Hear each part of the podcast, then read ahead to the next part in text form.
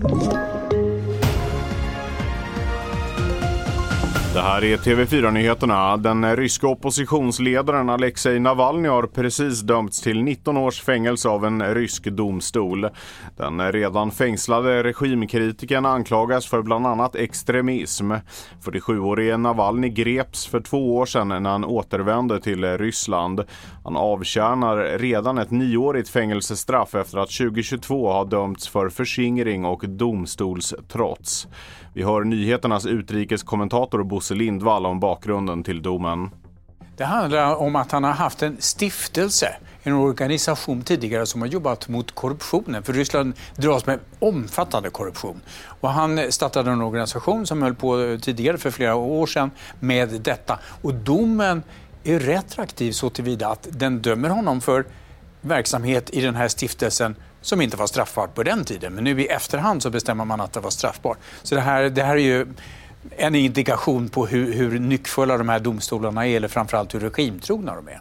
Under fredagen vårdas fortfarande 14 personer med skador efter gårdagens upplopp i Järva enligt ett pressmeddelande från Region Stockholm. Regionen uppger även att man fortfarande är i stabsläge efter våldsamheterna. Enligt uppgifter till Expressen är busslaster med regimmotståndare på väg upp från Nederländerna till Sverige för att delta i en motdemonstration. Detta trots att demonstranternas tillstånd dragits in. Polisen säger till TV4 Nyheterna att man har förberett sig för nya oroligheter idag. En man hittades under eftermiddagen skadad vid tunnelbanestationen Gamla stan i Stockholm. Mannen fördes till sjukhus med stick eller skärskador. Det är oklart var brottet inträffade men polisen tömde ett tunnelbanetåg som ska undersökas.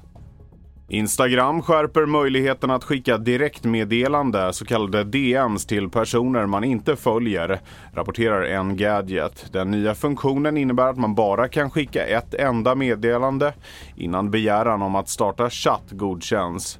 Det kommer inte heller gå att inleda en konversation med en bild, ett videoklipp eller ett röstmeddelande. Mer nyheter hittar du på tv4.se.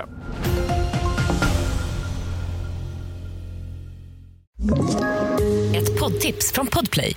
I podden Något Kaiko garanterar östgötarna Brutti och jag, Davva, dig en stor dos skratt. Där följer jag pladask för köttätandet igen. Man är lite som en jävla vampyr. Man har fått lite blodsmak och då måste man ha mer. Udda spaningar, fängslande anekdoter och en och annan arg rant. Jag måste ha mitt kaffe på morgonen för annars är jag ingen trevlig människa. Då är du ingen trevlig människa, punkt. Något Kaiko, hör du på Podplay. Därför arkadeinerna.